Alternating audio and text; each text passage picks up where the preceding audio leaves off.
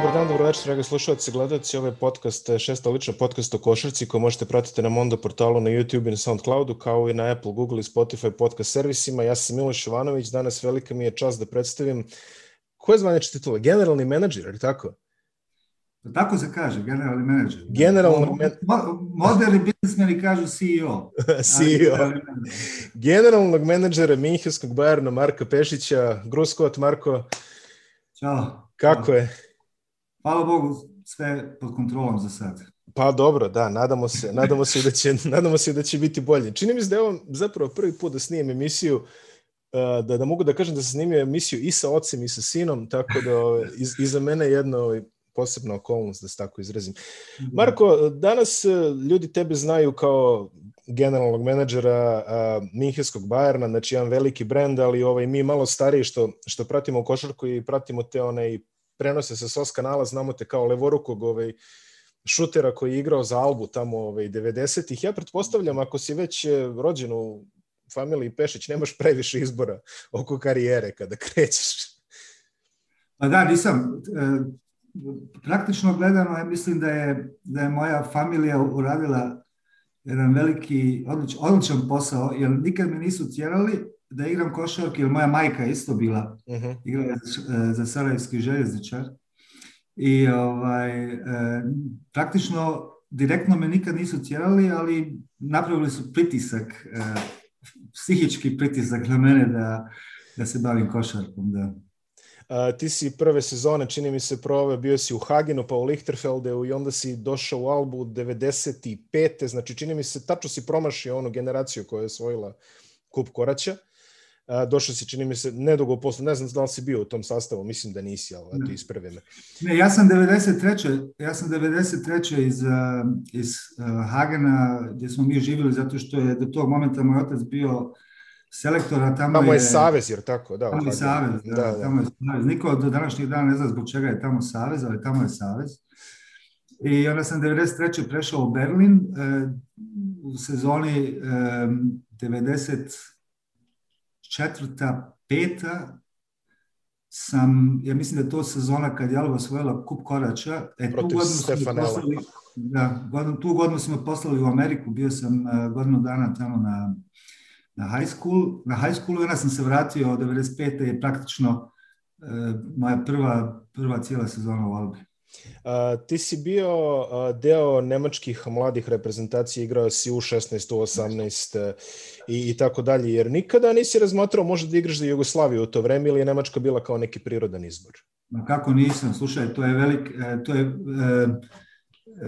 kako da ti kažem, to je veliki neostvareni san e, mog djetinstva ili moje karijere, iako ne vjerujem da sam bio toliko dobar da bi mogao da igram za, za reprezentaciju Slavije. A bilo je malo tesno na toj poziciji u tih godina. pa dobro, ali opet, opet e, ne mogu tačno da se sjetim ko je e, ta moja generacija. Znam da smo od 90 i negdje 7. 8. igrali Eh, evropsko prvenstvo ispod 22 godine u, u Turskoj. Siciliji. A ne, to je Sicilija. U, Siciliji je to bilo kad su kad je Jugoslavija osvojila evropsko prvenstvo, tu je bio Marko Jarić, Igor Kočević, tako da Varda Stanojević, da, da, znam to. Da, Jovo Stanojević, jeste. Da, da. Ne znam još ko je bio, zaboravio sam. U biti to je ta neka generacija eh, što se tiče omladinske prezentacije, ali ja sam kao klinac, kao klinac je, je moj otac mene vodio na te pripreme reprezentacije, ja sam bio 85. 86. 87. na tim pripremama tada kadetske pa juniorske reprezentacije za kadetsko evropsko, juniorsko evropsko, onda svetsko u, u Bormiju. Tako da, tako da ta, kako, kako se kaže, ta jugoslovenska reprezentacija za mene bila uvijek nešto kao za sve koji su odrasli u mojoj generaciji nešto na, najveće moguće i na kraju je ostao, ostao neostvaren san i onda 90 i ja bih rekao 90 92. ili 93. kad je, prije bi bilo 93. kad je sve to dole kod nas počelo, onda su moji roditelji odlučili, iako sam bio totalno protiv, da uzmem njemački pasus, zato što je Savez Njemački tražio da ja, ili dali su mi mogućnost da igram za reprezentaciju, tada kadetsku reprezentaciju i tako da su moji roditelji ne, samo tu, ali stalno kroz, kroz moje kroz moje detinstvo i poslije kad sam postao i tinejdžer uvijek donosili dobre odluke protiv, protiv mene, naravno da njemački pasoš. I onda, ovaj, kako se zove, onda sam, onda sam igrao za, za sve selekcije omladinske reprezentacija, pa onda A selekcije posle. A, jedan podatak koji ćemo isteći sada, a vratit ćemo se od njega kasnije, Nemačka nije osvojila medalju ako u sastavu nije bio neki Pešić. Tako da, eto, da, da, to je, to je istina. Tako da vratit ćemo se tome, ali hajde sada, ovaj, samo si pomenuo to na časkom, pa ajde lepo je reći, znači kažeš prisustvovao se svim tim pripremama i ovaj, umeđu vremena je snimljeni film o tome, o pripremama za Bormio, znači to je ona stara planina pa, pa, pa Sarajevo. Kako je to izgledalo iz tvojeg ugla? Ti si tada bio dečak i okružen si ono Rađem, Đorđevićem, e, Kukočem i svim tim igračima. Da.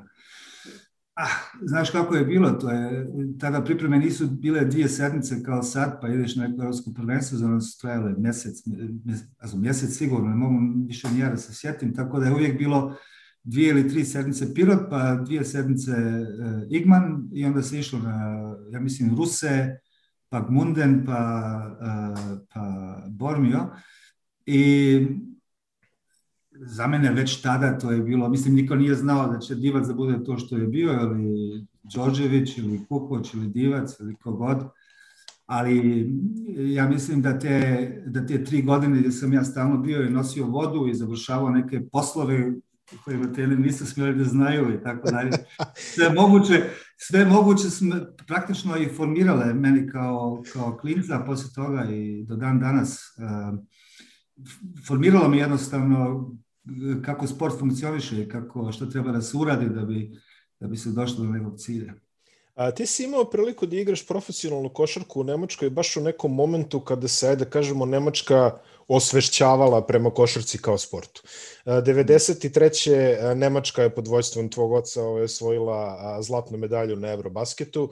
95. taj triumf Albe u kupu Koraća i onda ovaj, tu negde dolazi do smene u nemačkoj košarci Leverkusen koji je bio neprikosnoven počinje da, da zaostaje za album polako, a ti si učestvovao u jednom od tih e, mitskih momenta. Moj jedan prijatelj e, sa, sa fanzina Reflektor je nedavno intervjuo sa Svetislava i rekao mu je a, učestvovali ste u utakmici koja je promenila nemačku klubsku košarku, a ja sad pričam s čovekom koji je direktno učestvovao u toj utakmici, to je utakmica protiv Olimpijakosa, a, kada ste okrenuli, učini mi se 15 sekundi, 56, 61 u 62, 61. Ti pet si razlike, da? Da, da, da, pet razlike. Ti si postigao trojku, promašio bacanje, onda je Vendor Alexis postigao trojku.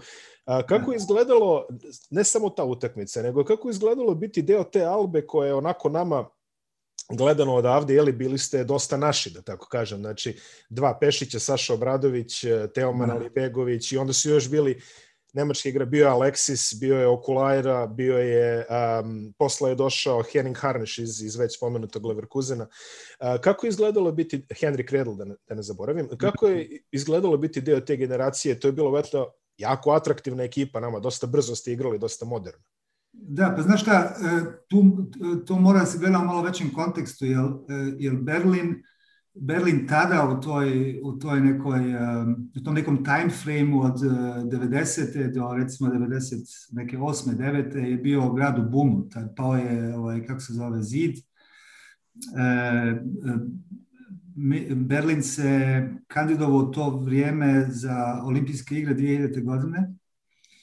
Tako da je dosta ti nekih, dosta ti nekih stvari su se dešavale, su se dešavale baš u Berlinu Um, mi smo baš te godine kad um, mi smo prvi put je Alba igrala tu Euroligu, tada su bile dvije njemačke ekipe Euroligi, jedna je bila, kao što se spomenuo, Leverkusen, koji su tada bili kao prvaci, a Alba je ušla kao druga njemačka ekipa i to je bilo, um, mi, smo, mi smo tu sezonu počeli u toj maloj dvorani koju je Alba igrala do tada, ja mislim, 3200 gledalaca I onda kad se izgubilo, kad se izgubilo olimpijske, kad se izgubile olimpijske igre 2000 godine, onda je ovaj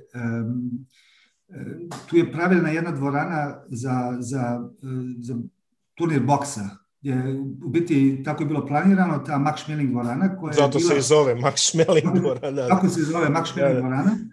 I onda oni nisu znali šta rade sa tom dvoranom i klub je došao na ideju da pusti nas da tamo igramo i tako dalje. I onda smo mi prešli i koliko ja mogu da se sjetim da je ta utakmica baš protiv Olimpijakosa bila prva ili druga utakmica u toj dvorani. Znači, mi smo prvo kolo, ja se dobro sjećam, prvo kolo Eurolige je bilo u Olimpijakosu gdje smo mi isto dobili Olimpijakos. Olimpijakos je tada uh, osvojio Euroligu. Te sezone, da.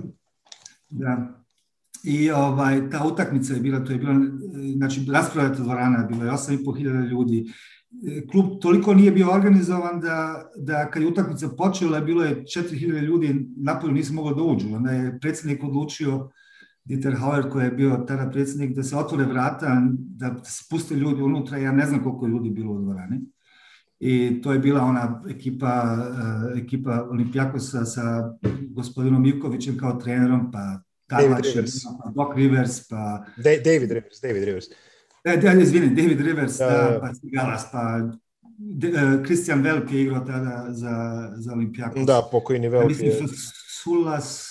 I jeste Fasulas, čini mi se došao, da li tu negde, on je tad već bio... Da, oni su, bio je Nakić i tako dalje, i onda da, da, smo da. praktično gubili, ali to je bila uh, vrlo bitna utakmica za nas, mi smo se na kraju regularno toka kvalifikovali su za, da je to bilo osmina finala ili četvrt finala protiv Barcelone mm -hmm. i to je bila odlučujuća utakmica da dobijemo i faktično je bilo što je interesantno, bilo je 15 sekundi do kraja, bio pet razlike za Olimpijakos i Rivers imao dva slobodna bacanja.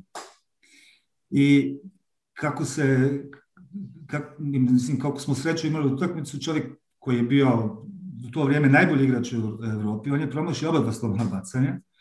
I onda je Saša na neku svoju ludost i kreativnost krenuo prema košu i ja sam tu stajao i, i ja mislim da on nije znao šta, šta radi s loptom i dodao mi loptu. Ja sam bio u čošku i bio je, bila je trojka sa faulom.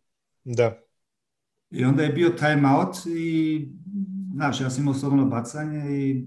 Jesi išao da ga promašiš ili? A ne, kako sam šutnuo, nisam išao da ga promašim. Da, tako sam i ja mislio. Ali svi su govorili promaši, promaši, jer bila je, ja mislim, 8 sekundi do kraja. Jeste, jeste, jeste, jeste. Bilo je, bilo je.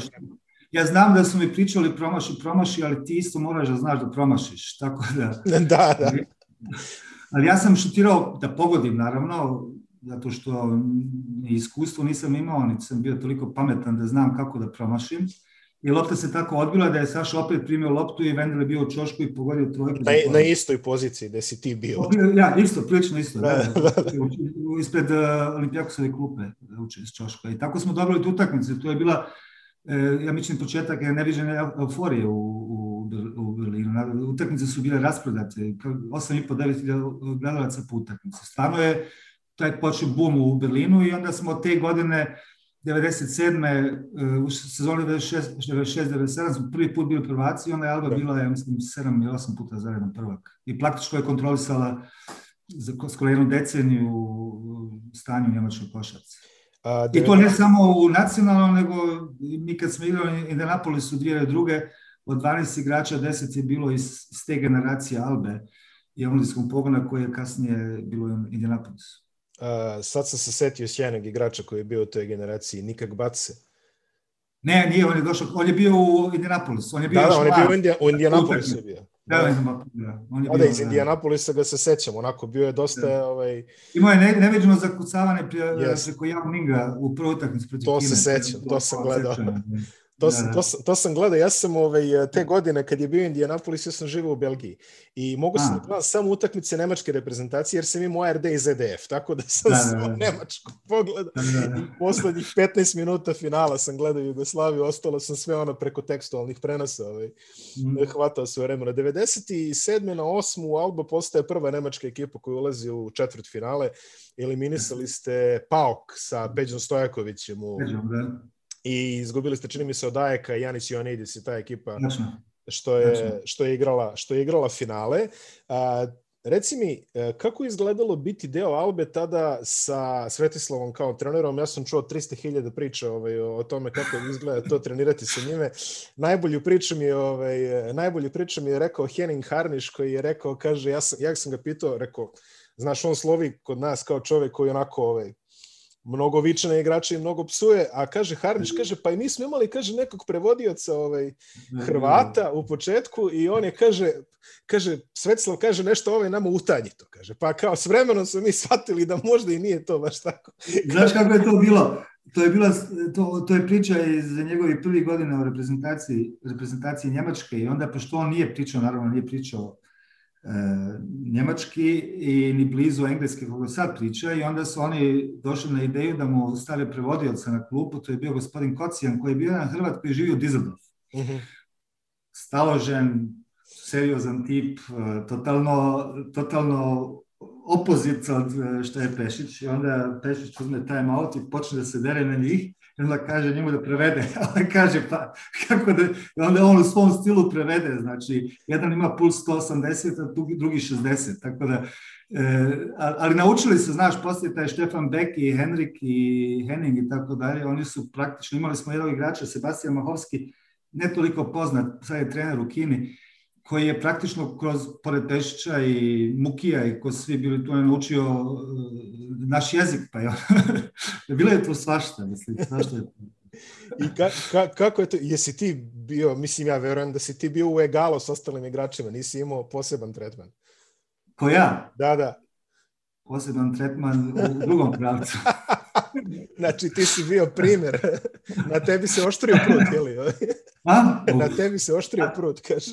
A, slušaj, šta ja ti kažem, naravno sad kad malo, e, to je bilo prije koliko, 20 e, nešto godina, sad kad malo sa iskustvom i znanjem koji imam danas, gledam to vrijeme, onda ja, ja, ja, znaš, njemu je bilo, mom ocu je bilo naravno možda malo teže nego što je bilo meni, gledajući iz ove perspektive sada, međutim, e, bilo je, ovaj, kako se zove, davo je znakove da, da nemam ništa ekstra. E, I ja sam imao uvijek sreću, e, uvijek sam imao sreću i sad kad gledam, kad gledam ovaj, kako se zove igrače, posebno mlade igrače, ima tu dosta primjera koji igraju koji igraju ovaj, kod, u ekipama gdje su njihovi gdje je otac trener ili nekog iz familije i tako dalje. To je vrlo, e, vrlo jedna specifična situacija i na kraju uvijek i to je uvijek pravilo i to sam, to sam ja naučio vrlo brzo da ako te sa igrači podržavaju, ako prepoznaju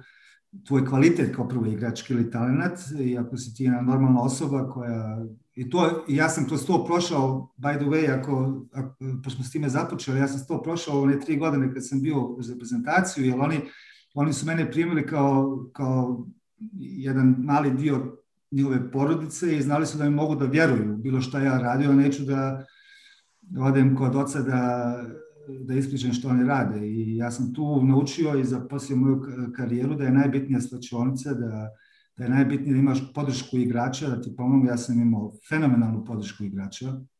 U bilo kojoj ekipi sam igrao, gdje je on bio trener. I to mi je najviše pomoglo. A, osim Nemačke gde si nastupao pored Albe i za Kelnu u kasnijem delu karijere, imao si priliku da igraš u Grčkoj, bio si jednu sezonu deo Iraklesa i bio si uh, deo Rome kada je Svetislav da. bio, bio trener tamo i tu si imao priliku da igraš u nekim jako interesantnim ekipama. A, kakve su bila tvoje iskustva igranja, ajde da kažem, u inostranstvu, jer na kraju krajeva tebi je van Albe inostranstvo. Da, pa kao, kao prvo te, ja sam prvi put otišao u inostranstvo posle 90 sezone 98-99, razlog je bio, mislim, ja sam mogao da ostanem u Albi, ja sam tu imao 20 i koliko godina, 21, 22 godine, 23, tako nešto. E, međutim, tu, se, tu je došlo malo do zasićenja moje lude glave i mog oca kao trenera i onda sam ja mladost, ludost, e, rekao, idem u inostranstvo, što je bilo jedno veliko iskustvo, ja sam igrao u, u, u Iraklis koji je u to vrijeme trener je bio Šakota, imali smo fenomenalnu ekipu. Stvarno smo imali odličnu ekipu, Diamantidis, Hacivretas, Papadopoulos, Byron Dinkins, Buck Johnson, Saša Hupman i tako dalje. Imali smo stvarno odličnu ekipu. Ja mislim da smo čak igrali polufinale Kupa sa Porte protiv eh, Ajka sa Dudom Ivković i Zizis je bio i Viktor Aleksandar. Oni su posle toga to osvojili protiv Kindera, ja mislim. Uh. -huh. Um, I bili smo u polufinalu grčkog prvenstva protiv Panathinaikosa. To je Dejanova prva godina bila i Obradovićeva u da. u Atini, u, u Panatenikosu. I to je bilo izvanredno iskustvo, mnogo sam učio, međutim, znaš kako je, e, e, tako, tako je bio klub da je dosta bilo problema u, u menadžmentu, nismo dobili plate 4-5 mjeseci i tako dalje i to za mene koji je dolazio iz Njemačke ono, nezamislivo. I onda sam se opet vratio u, u, u Albu, a onda sam poslije, poslije Evropskog prvenstva 2005. E, ja nisam imao klub i onda, ovaj, kako se zove, onda me je e, Brunamonti, koji je tada bio generalni menadžer e, Rome, jer ja sam bio u Rimu da treniram, e, tamo da treniram, bio je Profa Kraleć, je bio tamo, Oliver Kosić je bio pomoćni trener, moj otac je bio tamo trener Rome i tako dalje i onda sam ja otišao tamo da treniram dok, dok ne bi vidio šta radim, neki angažman, neki drugi posao. Nisam htio ništa brzo da se odlučujem tad mi se i sin rodio to ljeto, tako smo bili malo u disbalansu nekih prioriteta e, i tako dalje. Evropsko prvenstvo je bilo kasno. I onda, onda me je Bruno Monti nazvao i oni su imali problema s nekim povredama i on je me, kao, aj Marko, molim te, dođi, potpiši, znaš, igra do kraja godine. Ja nisam htio, zbog Pešića nisam htio. Međutim, uvijek sam htio da igram sa Bodirogom. Mm -hmm. To mhm. uvijek je bilo nešto da doživim, da igram sa Bodirogom, da budem dio tima gdje Bodiroga i tako dalje, to je bilo nešto za mene, neki, neki motiv. I onda sam stvarno otišao tamo i, i moram ti kažem, ta sezona je bila isto fenomenalna za mene, treninzi, treninzi koje smo imali, znači, bilo je, bili su jače nego utakmice, to je stvarno bio, e, stvarno je bila jedna za mene super sezona, ogromno iskustva. A, završio si karijeru relativno mlad, tako kažemo, sa 30 godina i odlučio se da nastaviš sa studijama. Kako je došao do te odluke? Znaš šta, to sve ima veze sa, e, e, to ima sve veze malo sa, e, sa kako sam odgojen u košarci, odgojen u smislu kako su me odgajali treneri koji sam imao, moja familija, posebno isto to vrijeme u, kad sam bio klinac, kad sam, kad sam imao čast da provedem vrijeme sa tim, s tim, s tim igračima tamo ta tri ljeta. I onda je moj otac uvijek govorio što je za mene još dan danas, dan danas prvo pravilo u košarci jeste, on je uvijek govorio, Marko, vidi, mi, mi živimo za košarku, ali ne živimo od košarke. Znači, mi živimo za košarku, košarka nam je, ti kad pogledaš našu familiju, šta nam je košarka sve dala.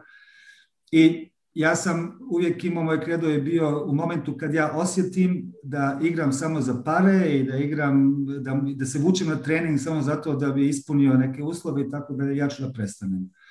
A to je počelo 2002. da dodjeli medalja kad sam ja dobio s jedne, sa, sa lijeve strane sam bio ja, dobio sam moju medalju, a s desne strane je bio divac koji je dobio zlatnu medalju i to je bio nek, znaš, ja nikad nisam imao čast da igram za reprezentaciju Jugoslavije, ali u tom momentu se moji snovi ispunili, jer bio sam na istom postolju kao divac s kim sam prije, što ja znam koliko godina bio kao klinac. I tu, tu se negdje sam ja imao osjećaj da sam praktično ispunio moje neke privatne ili lične ciljeve koje sam imao i ta vatra koja je do tad bila. Ja sam posle toga igrao par godina još, ali onda sam tačno na moj 30. rođendan odlučio da pakujemo se i idemo kući. I onda sam studirao, onda sam studirao, kao što si rekao, dva studija u Veneciji sportski, uh, sportski marketing komunikaciju, a u Düsseldorfu na univerzitetu sportski management. Jel, praktično sam, što se tiče praktičnog znanja u košarci, u sportu, tu sam nešto naučio, ali fal, falo mi je te, teoretsko znanje, šta još tu postoji osim uh, igrača, sudije, trenera i tako dalje. I tu sam stvarno, to je bio pravi korak da napravim tu neku konekciju između života kao sportista i nekog poslije. I to sam, e, tu si pravo, to sam isto završio. A, pre nego što se pre nego što nastavimo sa tvojom administrativnom karijerom koja još uvek traje i traje od 2011. Da te vratim samo na, na taj Indianapolis. Znači, stajao si na Uh, stavio si što kažeš na istom ono podijumu sa, znači bio si u neku ruku prisutan u jednom od najsvetlijih trenutaka srpske košarke, to je zlatna medalja u Indianapolisu jednim od najmračnijih trenutaka srpske košarke, to je Evropsko prvenstvo u Srbiji i Crne Gore 2005, gde si osvojio srebro kao, kao, član, kao član Nemačke. Uh, kaži mi utiske tvoje sa, sa oba ta turnira, a pogotovo zanima mene, evo zanimaći i druge, ne dobijam baš svaki dan goste u emisiji koji mogu da pričaju kako igrate sa Dirkom Novickim, jednim od najvećih evropskih košarkaša svih mhm. vremena. Pa eto, ispričaj nešto malo o tome. Što hoćeš prvo, Novicki ili? Može ovo prvo, znači kako je bilo na pa, vidi, e, u, u Indianapolisu je bilo dosta čudno, jer e, cijeli taj turnir je bio za sve nas tako blizu, a tako daleko, znaš, jer, jer taj, hotel, taj hotel je bio blizu jedne i druge dvorane, ali sve je bilo tako daleko, je bilo, toliko, bilo je prvo svjetsko prvenstvo kao prvo koje sam ja igrao, uh -huh bilo je toliko ekipa i reprezentacija Jugoslavije, ja mislim uopšte nismo viđali. Tako da ja oca uopšte nisam vidio, ovaj, kako se zove, tokom cijelog sveta. Znam da su imali problema, jer kad smo, kad smo igrali e, taj turnir u Braunschweigu, ja mislim da je bio zadnji turnir pred odlazak e, u Indianapolis, da su oni izgubili neke utakmice kući, da je tu bilo neki problema, da su igrači izlazili šta ja znam šta. I ovaj, Hiljadu e, priča već ima mitoloških. Milion nekih priča i tako dalje. I ovaj, tako da nismo imali baš neki, neki kontakt i dobro se sjećam da, da je utakmica, utakmica prije Jugoslavije protiv Amerike, prije četvrt finala, da je ili noć ili dvije noći prije toga Argentina Argentina igrala protiv, uh, protiv Amerike. I pobedila, da. Da, su pobedili, to je bio prvi poraz. Jeste, jeste, da, da, da. Prvi poraz Dream tima i sjećam se kako su Argentinci on, ušli u hotel, sa, znaš kako oni ulaze kao navijači, nešto mm. sa pjesmama i tako dalje. I sjećam se, takav je bio hotel, od ozgo mislio sam, a u katastrofa, kako će, kako će sad e, Tešić sutra da dobije... Sam isto i ja mislim. Izgubili, nema šanse. Sad, sad nema šanse izgube dve pa nema šanse, kako?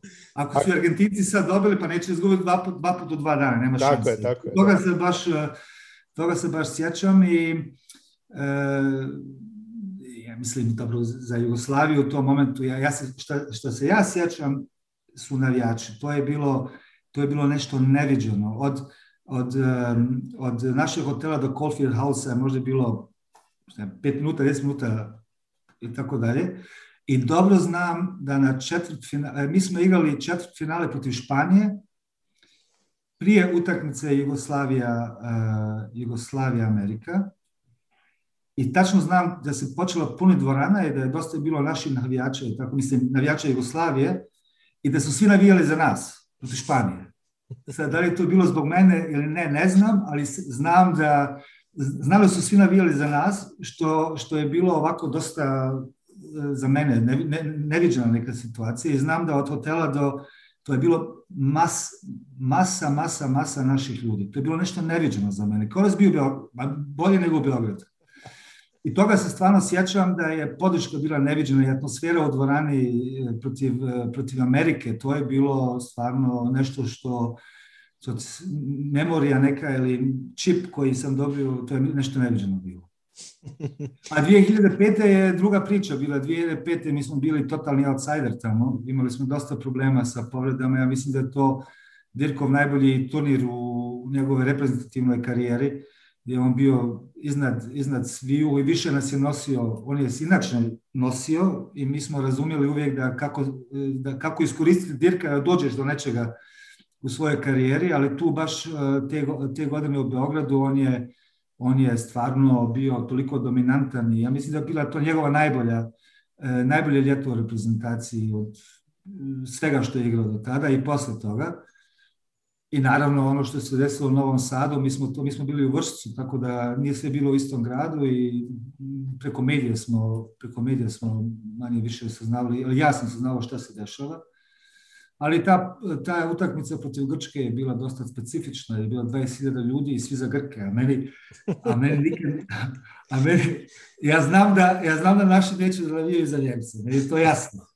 Da. da ja sam ide kraćeno posle ovog što je bilo 95. i 98. u Grčkoj, da neće baš da navijaju za Grčku.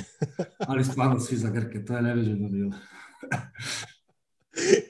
I kaži mi, kako je bilo igrati sa Dirkom? Sa Dirkom, a, ja sam igrao prvi put, ja sam 76. Dirke 78. godište i, i baš je tako bilo da je naša prva godina zajedno bila ta 98. ja mislim da je 98. bila, to je Evropsko prvenstvo ispod 22 godine, to takmičenje više ne postoji, ali tada je bilo isto Evropsko prvenstvo ispod 22 godine u Trapani u, na Siciliji. I tu sam prvi put igrao s njim i sve do 2005. mi smo praktično uvijek ekipe su se menjale, ali ja plus Okulađa i Mita Demirel otprilike smo uvijek bili, eto skoro 7-8 godina, 9 godina svako ljeto zajedno. I on je bio, bio. U to doba on je bio kao, kao igrač neviđen, neviđen igrač, mislim, on je počeo 98. igrao na poziciji 3, on je bio krilo praktično, uh on je bio trojka i završili smo s njim u recimo 2005. gdje on igrao poziciju 4-5, tako da se on uh, godinama, godinama razvijao, iako je bio, razvijao se po pozicijama, ne samo po igri. E, jedna dosta interesantna priča za Dirka što prilike opisuje njega je ta bila da smo igrali četvrt finale protiv četvrt finale protiv e, Španije i e, mi smo bili u grupi sa Alžirom, Amerikom i Kinom. I onda smo poslije išli u onaj drugu grupu gdje su bio, je bio Novi Zeland, Rusija i ne mogu da sjetim ko je još bio. Uglavnom on nije imao, nije, nije mogao da pogodi iz bilo kog razloga, nije bio u nekoj šuterskoj formi i onda ovaj, uvijek je sa, sa sobom je bio, sa, sa njim je u većini slučajeva bio Gešvindner, Holger Gešvindner koji je prilike njegov trener i mentor. Ču, čuveni, da. Da, da. koji je sve završavao za njega i utakmica protiv Španije je bila prva, prva utakmica taj dan, prilično rano jer poslije igrala Jugoslavija protiv Amerike i tako da je recimo negdje oko, oko pet, a šuterski trening je bio u devet. I onda kako smo mi u pola osam silazimo na, silazimo na, na, na doručak, a Dirk ulazi u, u hotel sa, sa Gešvidnerom, mokar sav, znači on je sav, čovjek je bio na treningu. Sad ja kažem, gdje si bio? Pa kao ništa, malo smo čačnuli moj šut, moram da ga namjestim i tako dalje. On je otišao u pet sati u dvoranu i on je dva i po sata trenirao.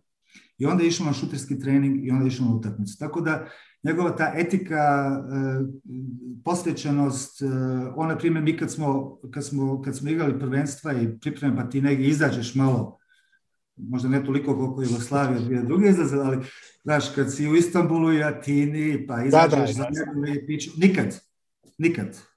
Nikad se nije pojavljivo nigdje, uvijek je bio u hotelu, uvijek se pazio što jede, što radi, e, kap alkohola nije popio, ali kad se završi turnir, onda je ovaj, uh, išao u drugi ekstrem, ali dok je, dok je imao svoje obaveze, on je bio znači, najveći profesionalac kao ga sam ja upoznao. A, tvoja prva prilika u, ajde kažemo, u košarci posle igračke karijere dolazi, čini mi se, upravo u Bayernu. Ti si 2011. bio sportski direktor, tada si postavljen, a 2013. si unapređen u poziciju na kojoj si sada i generalni menadžer. Prvo, Um, Mike Cirbes je u jednom intervjuu meni rekao Bayern je Bayern, makar i šahovski klub. Znači, ovaj, to je jedna težina brenda koju mi možemo da pojmimo. Ali u tom momentu Bayern de facto i ne postoji na košarkaškoj mapi. E, kako tebi izgleda taj pro... kako je to tebi izgledalo tada kada si dobio taj posao i upustio se u to? Ja kad sam, kad sam završio svoju karijeru, onda sam malo to istudirao nešto da bi naučio i onda sam otvorio firmu i ta firma se bavila svim svačim u sportu i to je išlo dosta dobro i tako dalje i onda e, znaš, Bayern, Bayern je sportsko društvo i sad u tom sportskom društvu ima različitih sportova za koje ljudi ne znaju. Ima i rukomet, ima i šah i tako dalje. E, I svi sportovi osim košarke osim uh, futbala, uh, futbal je umeđu vremena, mislim, 2008. i 2009. Uh, postao akcionarsko društvo, znači samostalna firma za sebe pod, pod kontrolom 75% ili 70% sportskog društva, a drugo su sponzori. E, tako, da je, e, tako da je Bayern e, 2010. kad je Henes postao predsjednik kluba, on je odlučio, slušaj, sad sam predsjednik ne više u, u futbolskom klubu nego sportskog društva i e, on je uvijek imao ideju da kao što je Real Madrid, kao što je kod Real Madrida, da, da ima mjesta za dvije, za dva sporta, profesionalna sporta. Znači, pored, pored e, futbala, košarka, mogu biti rukomet, ali on se čovjek na svu sreću odlučio za, za, e, za košarku i onda je on uradio dvije interesantne stvari. Prva stvar što je uradio, pošto E, danas Bayern ima e, preko 300.000 članova i članovi vode klub. Oni odlučuju ko je predsjednik, oni, znači, klub pripada, e, klub pripada članovima, ne pripada Henesu ili Heineru sad ili Rumenigelu, nego stvarno članovima. I on je, on je rekao prije nego što odemo u taj projekat da profesionalizujemo košarku u okviru sportskog društva, e, daj da mi pitamo prvo članove kluba što oni misle. I ako, ako oni misle da je to nešto će oni da podržavaju, onda ćemo da uradimo, ali međutim ako kažu ne, onda nemamo, nemamo ni tu političku snagu to da izguramo. I onda su radili taj questionary e, 2010. ili 2011. i 78% je reklo da podržavaju projekat košarke. I to je praktično dalo E, posebno Henesu i predsjedništvu tu snagu da krenu u to. I drugo pravilo koje do dana danas e, važi, za koji mnogo, mnogi ne znaju i to što je Mike rekao jeste, ali to isto breme neko koje je na našim leđima, jeste da ni jedan dinar, ni jedan evro iz futbolskog kluba ne smije da se upotrebi za košarkaški klub. I to, to, važi... to, je ono, to je ono što naši ljudi često pogrešno povežu kad vide, dobro, možda ne pogrešno u slučaju Reala i Barcelone, ne znam, ali kad god vide a, mm. tako neki ono sportska društva pa kažu ok, to se sigurno preliva, ovi plaćaju Levandovskog 300 miliona, šta je njima problem sada da daju, ono, ne znam, 20 miliona za, za Lebrona ili tako nešto. Tako da, ovaj, Da, da, imao sam slučajeva kad, na primjer, kad smo, kad smo imali Delaney kod nas, pa onda je Delaney je bio eh, najbolji igrač lige i ona njegov menadžer rekao, pa Malo, oni plaćaju tamo 20 miliona za, za Millera, a nemaju iz da daju milion. Razumiješ? Mm. Tako da tu uvijek e, dan, danas, dan, danas je tako da ti ljudi koji treba da znaju, tačno znaju kako funkcioniše klub. Ja, javnost je uvijek e, javnost je uvijek malo drugačija, tamo, tamo shvata onaj kako, mis, kako on hoće da shvati, a ne kako, e, kako je istina i onda sam ja doveden, Henes me je doveo zajedno sa tim potpredsjednikom koji je biti bio motor cijelog tog projekta operativno i ja sam postao sportski direktor. I uh, to je bila prva sezona uh, 2011-12. je naša bila prva sezona u Bundesligi i onda poslije uh, na zimu 2012. tip koji je bio neka vrsta generalnog menadžera, on je prestao i onda je Henes došao kod mene, ajde molim te dok mi ne nađemo nekog drugog, ajde ti to preuzmi, pa ja i ti ćemo to da proguramo, pa kad nađem nekog drugog, ti se vrati, budi sportski direktor. Ja sam u tom momentu znao da tu nema vraćanja, jer to je, ako dobiješ tu funkciju, ona ne možeš ti da se vraćaš na funkciju sportskog jasne, direktora. Jasno, jasno. I tako je to počelo. Onda sam ja od, od 2012. do danas sam generalni menadžer kluba, što je interesantno, ja kad sam potpisao za klub, to je bio juni, maj, juni 11. mi smo imali sa mnom sedam zaposlenih u cijelom klubu i interesantno za me, da se vratim na tvoje pitanje, što je bilo interesantno za mene? Interesantno je za mene bilo da mogu da dođem u klub gdje mogu ja sa ljudima da pravim nove strukture kluba, da, da se klub pravi od praktično ovog fundamenta, a ne da ideš u neki drugi klub gdje u biti sve gotovo, a ti moraš samo da pobjediš ili da izgubiš. A i htio si da budeš šef Svetislavo, priznaj sad i to. e, samo ti kažem, to je Henes odlučio, ja nisam. Ja nisam. To je, to je Henes odlučio i ugovor je s njim je on. Uh, on, on, u, on pregovarao, ali moram da budem iskren da sam imao satisfakciju tih godina koje smo radili, da mu kažem, slušaj, ne, ne možeš lijevo, nego se moraš tesno. Sve, sve sam mu vratio iz, Kakav je bio izazov graditi, pazi, ono što kažeš, imaš veliko breme, jer Bayern je Bayern, a s druge strane, u tom momentu u nemačkoj košarci tu su Alba, tu je Bamberg, tu su razni drugi klubovi. Znači, trebalo se izboriti i sa internim i sa eksternim očekivanjima. Kako je izgledalo raditi tih prvih godina u Bayernu?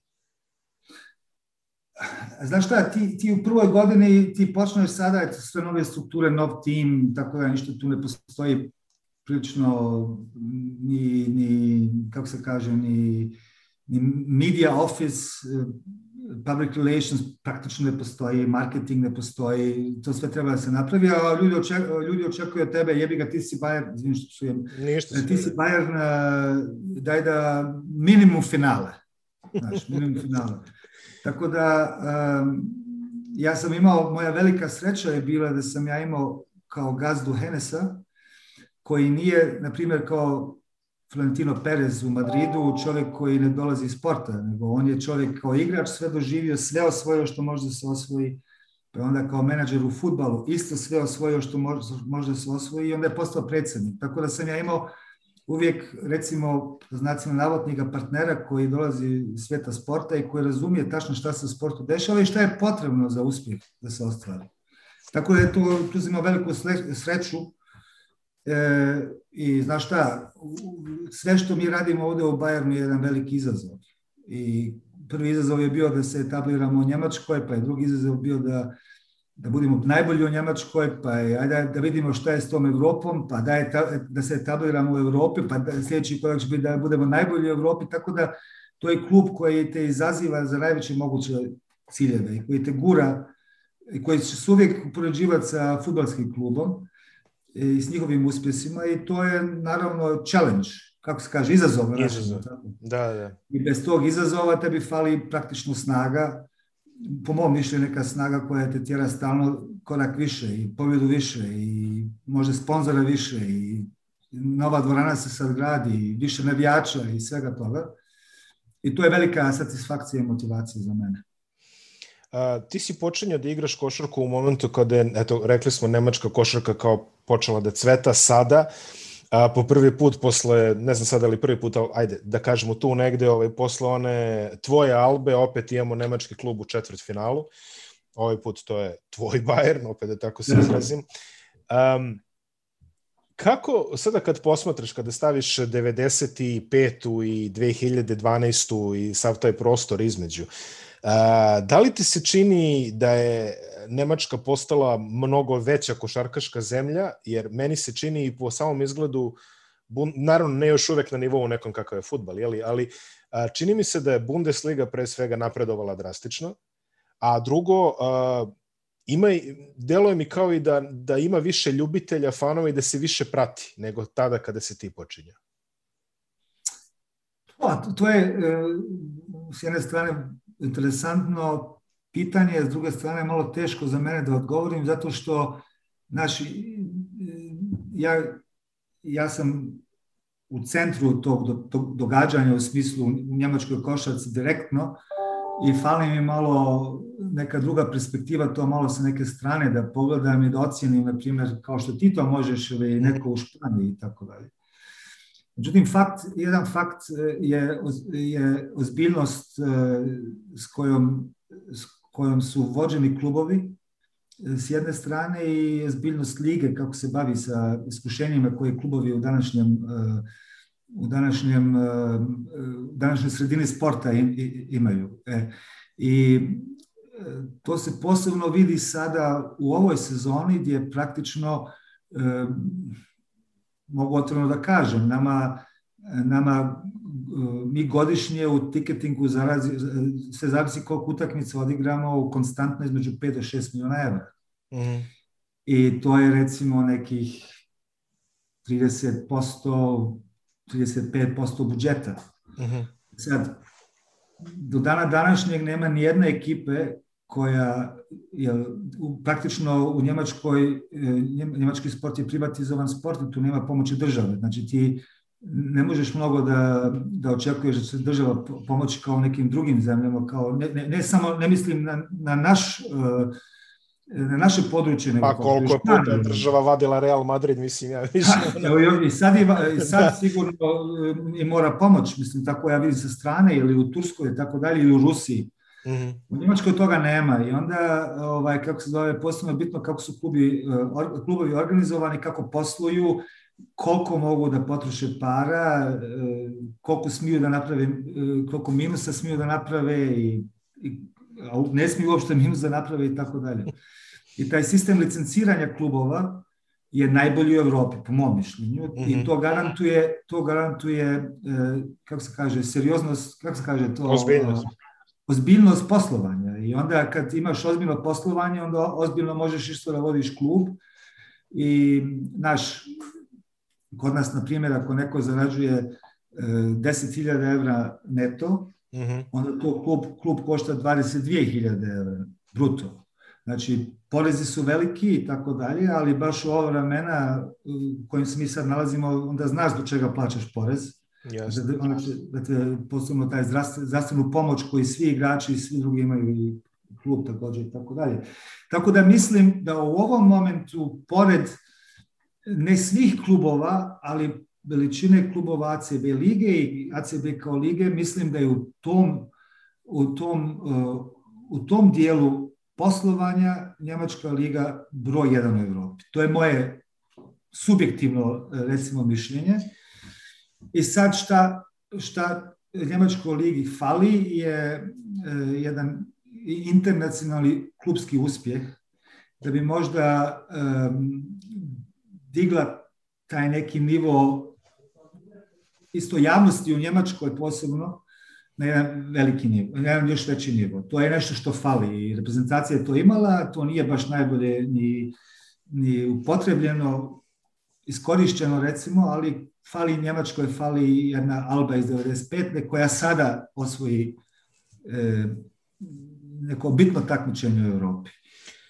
I, I što je još bitno jeste ta saradnja sa, sa Telekomom koja koja producira sve, koja pokazuje sve utakmice Euroliga i Evrokupa i Njemačke lige, ne na otvorenoj televiziji, nego na internetu i tu skuplja naravno tu target grupu mladi, mlađih ljudi koji, su, koji, će, koji su sad bitni klinci ili, ili um, kako se kaže, djevojke i momci između 14 i 25 godina. Adolescenti.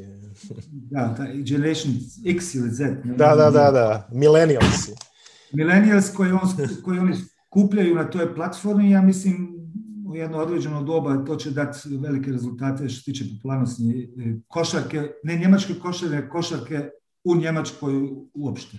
Tu su još naravno i NBA igrači, tu je Denis Schroeder i ta, i ta ekipa, ali generalno eto, to što, to što kažeš, ovaj, ako uzmemo primjer iz futbala, gde nemački klubovi uglavnom troše pare koje imaju, ovaj, samim time čini mi se da je taj koncept dosta verno prenesen u košarku, jer e, pratim koliko mogu, ovaj, zaista ti kažeš, ta liga se zvala Beko, sad je čini mi se Easy Credit, da. da, sad je Easy Credit, ali a, još u ono vreme, recimo tamo 2012. 11. kada to i nije bilo toliko uh, uzdignuto u evropskoj košarci, Nemačka, Nemačka liga je imala sajt kao NBA.com, znači mogu se na dva klika da dođeš do svega što te zanima, da. ACB liga i dan danas ne možeš da se snađeš na njihovom da, sajtu. Baš... Dosta čudno, to je dosta čudno. Jeste, da. da. da. Ali, ali, ali znam da je za Nemačku bilo ono bez problema, sećam se ono dolazi ovaj, um, Ryan Thompson dolazi u Zvezdu na, za dva minuta sam našao sve što mi je trebalo otprilike ono, ovaj, o, o njemu, koje brojke i sve to i, i tako da zaista vidi se taj neki, ajde kažemo, nemački, nemački dodir u, u celoj organizaciji toga. A, Bayern je bio na pragu evropskih trofeja, a, sada trenutno je u čet, još uvek u četvrtfinalu dok ovo snimamo, možda se to završi dok emisija bude izašla, treba u četvrtak ili petak, ali da se nadamo najboljem. A, kako si generalno zadovoljan ovom sezonom a, a, Bayerna koja ajde nije završena, jeli ima još i znamo da Bayern uvek e, kao, kao sportsko društvo Bayern uvek cilja ka domaćoj tituli kao prvom i primarnom cilju. Ali kako si ti zadovoljan ovom sezonom koja je sada, evo, da kažemo 75% je gotovo?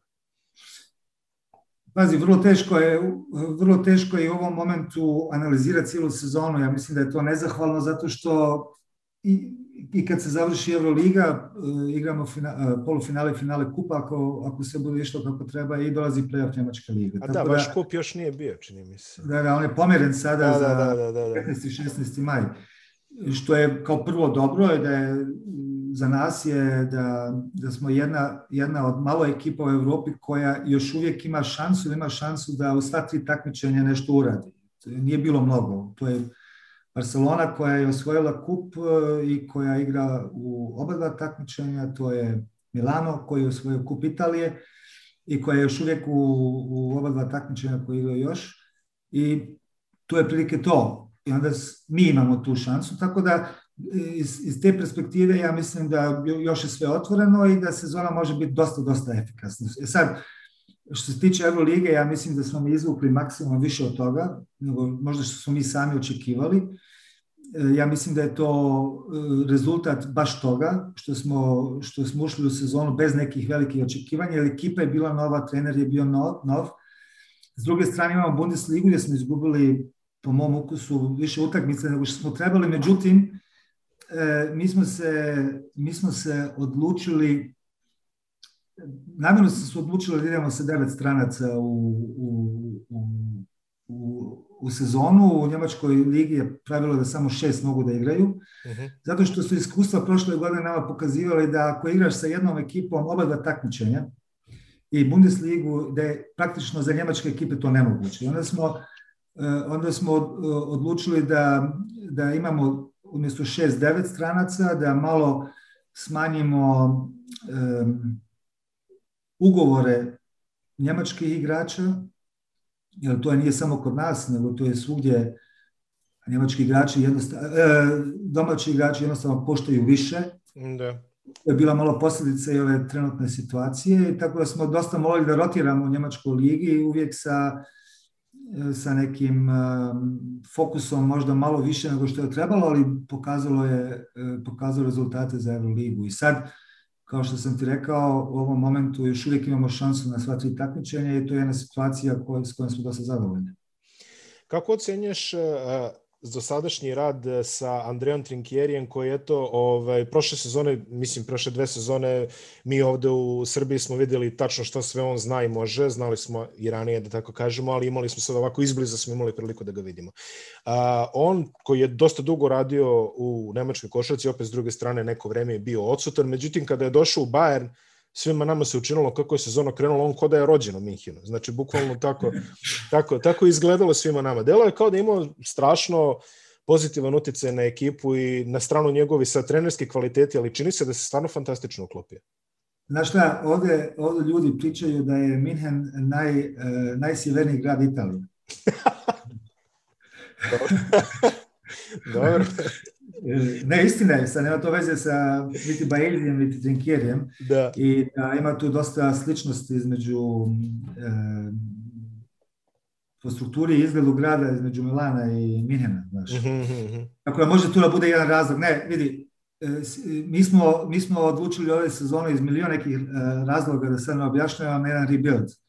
I kad smo, kako amerikanci to sad moderno kažu, da, da, da, remont remont ekipe manje više smo odlučili da da tu, jer Luča je tu i Đedović i tako dalje, ali malo da promijenimo isto lice ekipe i onda ti kad izađeš na tržište, a mi nemamo tržište kao neki veliki evropski klubovi, um, i kad gledaš ko je taj ko to može da uradi, onda tu nema sumnje da to Andreja, jer ti kad gledaš kroz Andrejinu karijeru i kad je bio u Kantu, i kad je bio u Unixu i kad je bio u Bambergu i posebno sad kad je bio u Partizanu, on je u stanju da iz toga što ima izvuče uvijek maksimum, izvlači uvijek maksimum. I to radi, e, to radi e, i ove godine kod nas u, u Minhenu, posebno što tiče e, Eurolige i on je bio on je bio u stanju u, u pripremnoj fazi da stvarno pridobije, kako se kaže, pridobije confidence igrača, da, mu, da su poverenje. poverenje i onda kad ti imaš poverenje igrača, onda si isto u stanju i ponekad da je malo žešće napadneš i tako dalje, uvijek u znanju da, da trener hoće da ti pomogne, a ne da te diskreditira i tako dalje. I ja kad sam, kad sam, kad smo dovodili, kad, smo, e, kad sam obio prvi razgovor sa, sa Andrejom um, na ljeto, kad god je to bilo, ja sam rekao, slušaj Andreja, ja ne, ja ne, tražim trenera, jer trenera ima milion, ovo je naš koncept, ja tražim partnera koji će sa mnom i sa Baezijem zajedno da to isprati sa svim, sa svim problemima i izazovima koje su ove sezone ispred nama. I moram da kažem do današnjeg dana ne samo ne samo da se pokazao kao odličan partner meni, nego pokazao se kao neko ko je, ko je sposoban u dosta, teškoj situaciji da izvuče se, iz, maksimum iz sebe kao prvo, a onda iz, iz ekipe. Marko, za kraj vratit ću te u igračke dane i reći ćeš mi koje su bila tri najteže igrača koje si morao da čuvaš, a budući da si igrao u Euroligu tamo onom žestokom periodu od 95. pa do 2000. te siguran sam da imaš par interesantnih imena da nam izdvojiš. Reći ti Danilović broj 1. Znao sam da će bude Danilović broj 1. Imao sam On je uvijek neko, uh, kad sam ja počeo već da igram, koga sam, koga sam ja gledao, koji je bio neki neki, neću da kažem idol, ali neko ko je igrao tu negdje moju poziciju i način na koji je igrao, i, ali on je bio ne samo teško, teško ga je bilo čuvati u napadu, ali on je igrao neviđenu odbranu. On kad se spustio stav, ti nisi mogao koš da pogledaš. To je broj jedan, broj dva je Peđa Stojaković u reprezentaciji. Igrao sam i u, i u Palku kad smo igrali te godine. Kad je bio prvi strelac Euroligi, da. Da, on je bio, i on, ja mislim da je posle toga otišao. Jeste, jeste bio ligu. Bio je lockout, pa je on otišao. Nešto jeste, jeste, da. E, Peđa Stojaković je bio broj dva i igrač koji, koji je ostavio, možda nije bio najbolji, tu su dva, ali ostavili, su neviđen utisak na mene. E, jedan je Rigodo, uh mhm. -huh. a drugi je, kako se zvao, vidi mene sada, on je bio isto francuski playmaker, Fatou. Kako? Fatou, Frederik Fatou. Ne, nije Frederik Fatou, Skjera. Skjera, Laurent Skjera. Skjera, znači nisu, taj Skjera nije najbolji igrač protiv koga sam ja igrao, ali ostavio je stvarno njegova inteligencija IQ, slično kao Rigodo, su ostavili dubok utisak na mene kao način na koji su igrali. Ali ja mislim da je Peđa, da, da su Peđa i, ovaj, i Danilović dva igrača iz dva, dvije različite generacije koji su bili toliko dominantni da, da su bili stvarno najbolji igrači protiv koji sam ja igrao. Marko, hvala ti puno na izdanom vremenu i puno sreće u ostatku, puno sreće u ostatku sezone sa Bayernom, pa se vidimo i neki drugi put. Hvala ti puno. Tebi takođe, sve najbolje. Ćao. Ćao.